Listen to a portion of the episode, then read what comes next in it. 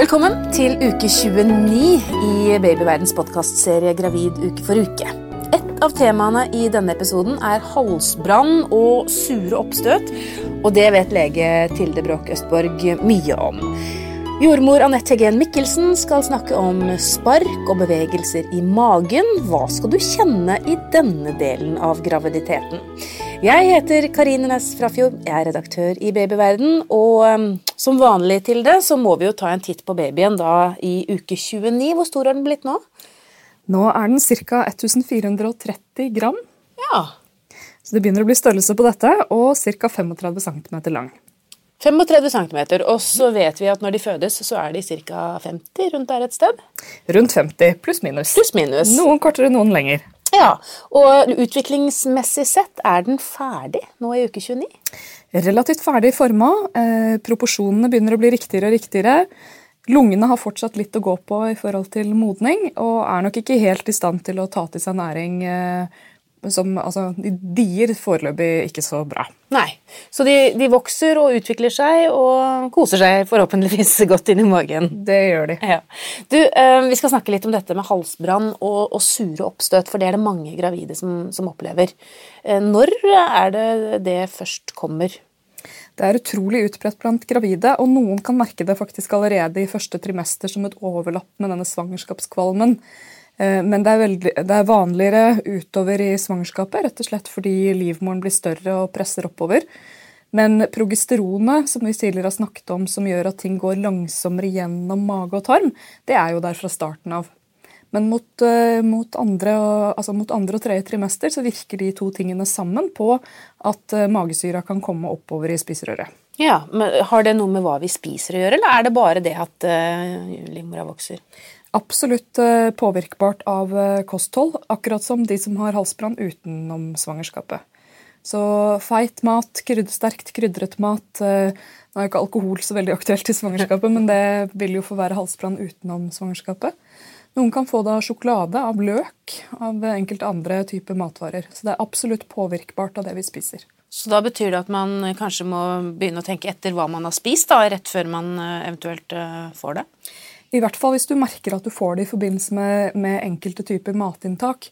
Nå er det nok sånn at En del gravide har halsbrann helt uavhengig av hva de spiser. og Da må man gjøre, tenke på andre typer tiltak. Men det første tiltaket er jo å tenke litt uh, igjennom om det er noen spesielle matvarer som utløser uh, halsbrann eller sur oppstøt. Men Hvilke tiltak eh, tenker du på da, bortsett fra dette med kosten og maten? I forhold til dette med kosten og maten, først av alt så vil jeg si at De som sliter mye med halsbrann, noen få begynner da å småspise hele veien for å dempe dette, istedenfor å gjøre andre tiltak. Det er kanskje ikke så lurt, både i forhold til tannhelse, men også i forhold til på en måte totalt kaloriinntak hvis du småspiser gjennom døgnet.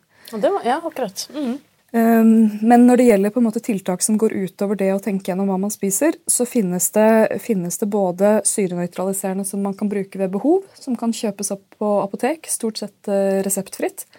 Ehm, men hvis man er plaget på en måte daglig, så finnes det medisiner for det som også er trygge i svangerskapet, men da må du snakke med en eh, lege. Men dette med halsbrann, hvordan merker man det? Det ligger kanskje litt i ordet, eh, men, men hva er det som egentlig skjer? Hva er det som egentlig skjer? Det er rett og slett at eh, magesekken vår inneholder jo sterk syre, ned mot pH på 1 når vi ikke har spist. Sånn at den er jo der av en grunn, og den skal nøytralisere bakterier i maten. Og den skal også bidra til fordøyelse videre. Ehm, den skal jo være der nede, og nederst i spiserøret så er det en liten knekk på spiserøret pluss noen slimhinnefolder som gjør at dette skal på en måte holde seg på plass. I tillegg til det så er mellomgulvet også som en slags sånn lukkemuskel for at dette skal holde seg nede. Men i svangerskapet så er det en del endringer som vi snakket om, og da presses altså magesyret oppover. Og Enkelte kan på en måte kjenne det mest nede i brystet, mens andre kan kjenne det på en måte helt opp i halsen. Altså at man kjenner på en måte en brennende fornemmelse i, i, halsen, eller til og med på en måte et surt oppstøt, som er altså at man kjenner magesyre opp i munnen. Mm. Eh, men heldigvis, da, som du sier, så finnes det medisiner. Man trenger ikke være redd for å be om det? Nei. altså Vanlig sånn syrenøytraliserende ved behov finnes reseptfritt på apoteket, men hvis man føler at dette er en daglig plage, så finnes det også medisiner som gjør at man produserer noe mindre magesyre, som kan brukes i svangerskapet. Men andre, er det noen sånn kjerringråd? Jeg har hørt at man, skal, for eksempel, man kan drikke melk? Ja, man kan drikke melk. Melk er litt grann basisk, sånn at det, det, vil nok lindre noe. Men det å gå smådrikke på melk hele veien er jo ganske, litt, kanskje litt upraktisk. Ja, For dette er, noe, dette er noe man kan faktisk mer eller mindre ha konstant? da? Noen er kjempeplaget med det, eh, særlig da i forbindelse med, med, altså Kanskje spesielt i forbindelse med den typen måltider. Men det forverres jo også i liggende tilstand, så en del har eh, mye plager om kvelden når de legger seg flatt. Kan det lønne seg da å sette seg opp? Blir det bedre av det, eller? Det blir jo for så vidt bedre, men å, du kan ikke sove sittende gjennom et svangerskap heller. Så det, det, er mer det at det, er typisk at du får det når du legger deg flatt, kanskje. Men at, at jeg tror ikke du kan eh, unngå det med å sitte deg gjennom svangerskapet. Så det høres ut som konklusjonen her, hvis du er plaget av halsbrann, det fins hjelp å få, det fins medisiner, gå til lege.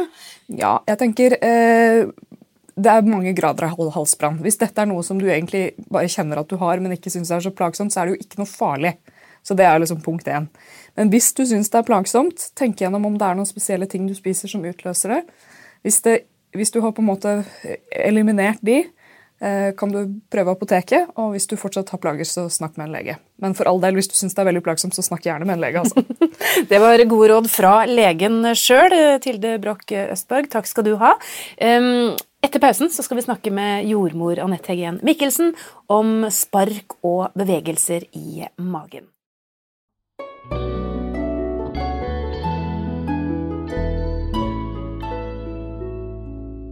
Alle som er gravide i eh, uke 29 er jo opptatt av eh, at babyen i magen har det bra, og at den eh, kjennes mm -hmm. og sparker, og at man på en måte merker bevegelser, for det er jo også viktig, jordmor Anette.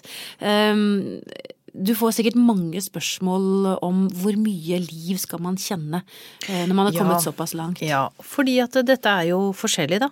Så det er det som gjør at det blir litt vanskelig. For uh, unger er jo forskjellige inni magen, og de er forskjellige utenfor magen. Men Betyr det at vi allerede har en personlighet i magen? Ja, det tror jeg faktisk at jeg har lyst til å si.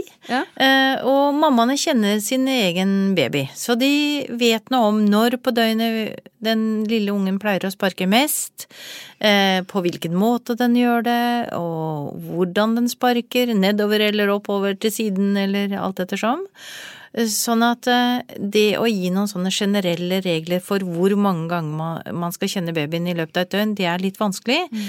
Men det skal være mange ganger, og det skal være på en måte som eh, føles riktig i forhold til den babyen man syns man har i, i, magen. Altså, det er individuelle forskjeller her. Men når du sier at man skal, eller en mor kjenner sitt eget barn rett, så tenker jeg at i en travel ja. hverdag, man er på jobb, mm. Eh, man står opp, man har kanskje andre barn, man ikke sant, mm. fyker hit og dit. Det er ikke alltid man egentlig har tid til å kjenne etter et mønster, tror du det? Nei, det og kanskje man heller riktig. skal være litt bevisst på det? At mm. man faktisk skal uh, bruke litt tid på mm. å mm. bli kjent med barnets bevegelsesmønster også? Ja da, det er riktig det, og de aller fleste sier jo det at når jeg kommer hjem fra jobben eller legger meg på sofaen, så setter barnet i gang og bevege seg veldig mye.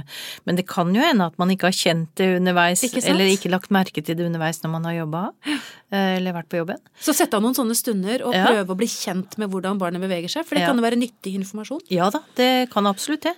Eh, og så pleier jo vi som jordmødre, og legene sikkert også, å spørre hele tiden kjenner du at babyen beveger seg, hvordan beveger den seg, når beveger den seg, og, og eh, har du merket noen forandring i forhold til det. Så vi er jo uh, veldig opptatt av at det skal være bevegelse inni magen. Og rundt uke 29 så har jo babyen en forholdsvis god plass, sånn at, eh, og den begynner å bli ganske stor. Sånn at det er jo denne, denne tiden i svangerskapet hvor man kjenner mye bevegelse, gjerne. Og den turner jo rundt da fra å ligge med hodet ned og hodet opp og eh, sidelengs, og den kan eh, gjøre mye sprell inni magen der på denne tiden. Jeg har jo sett sånne fantastiske bilder blant annet på YouTube hvor du faktisk nesten ja. kan se en hånd eller en ja, fot liksom sparke ut av magen. Det er utrolig. Ja. ja. Ja. Sånn at det, det, kan man fortsatt gjøre nå. Mm. Eh, babyen er ikke så stor at han begynner å få det altfor trangt. Nei, ikke ennå. Mm. Men så har det vel noe med eh, Jeg husker i hvert fall jordmor sa til meg at det har noe med morkakas plassering også, i forhold til hvor mye ja. spark. For det er jo ikke alle mm. som kjenner like mye. Nei. Det hender at morkaka ligger på det vi kaller framflaten, og dette høres jo kanskje litt vanskelig ut, men det betyr altså egentlig at morkaka ligger som en pute, en støtpute, eh, foran, eh, foran i magen, eh, altså på, rett på baksiden av navlen, for å si det sånn. Mm, det var forståelig. Ja, sånn at når den morkaka er da der, og den er forholdsvis stor, så er det jo klart at da vil jo ikke man kjenne så mye bevegelse eh, rett ut imot mageskinnet. Fordi at den er i veien, eller den er som en støtpute Mm. mellom eh, mage, mageskinnet og barnet. Eh, Så da vil man jo kjenne bevegelse kanskje på andre steder, eller man ikke kjenner så mye bevegelse som andre gjør, eller som man har gjort i andre svangerskap. Men opplever du å få gravide inn på kontoret ditt som er bekymra fordi de er usikre på om de kjenner nok liv? Ja, det gjør jeg jo, og jeg oppmuntrer jo også de gravide til å kjenne godt etter og gi signal enten til meg eller legen eller sykehuset hvis det, vi ikke har eh, åpningstider, for å si det sånn. Ringe til sykehuset ved enhver anledning hvis man syns man kjenner eh, lite liv eller ingen, ing, ikke noe liv på flere timer. For ofte så føler man seg jo kanskje litt, sånn, litt redd for å virke hysterisk, kanskje? Ja, men i denne gang- sammenhengen så tenker jeg at det, her er det lurt å være litt oppmerksom.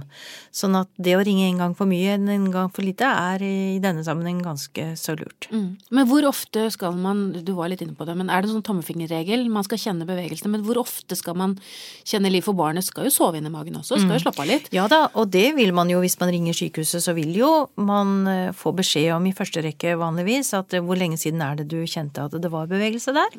Og så får man gjerne da beskjed om at man skal drikke litt sterk saft eller juice eller noe lignende. Altså, for man har erfaring for at hvis barnet får et lite sånn sukkerkick, så beveger det seg litt. Så det virker, det? Altså. Ja, det virker det. Og så får man beskjed om at man skal legge seg ned og, og eh, kjenne godt etter om barnet ikke da setter i gang og beveger seg som følge av det.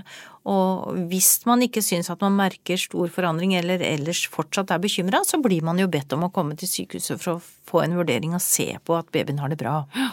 Og hvis man bor langt unna sykehuset, så er jo ikke det så enkelt heller. Nei da, men man blir nok bedt om, og jeg tror nok at det er en, eller jeg vet jo det, at det er en regel på at man skal sjekke opp det som heter lite liv. Det, det sjekker man jo opp uansett.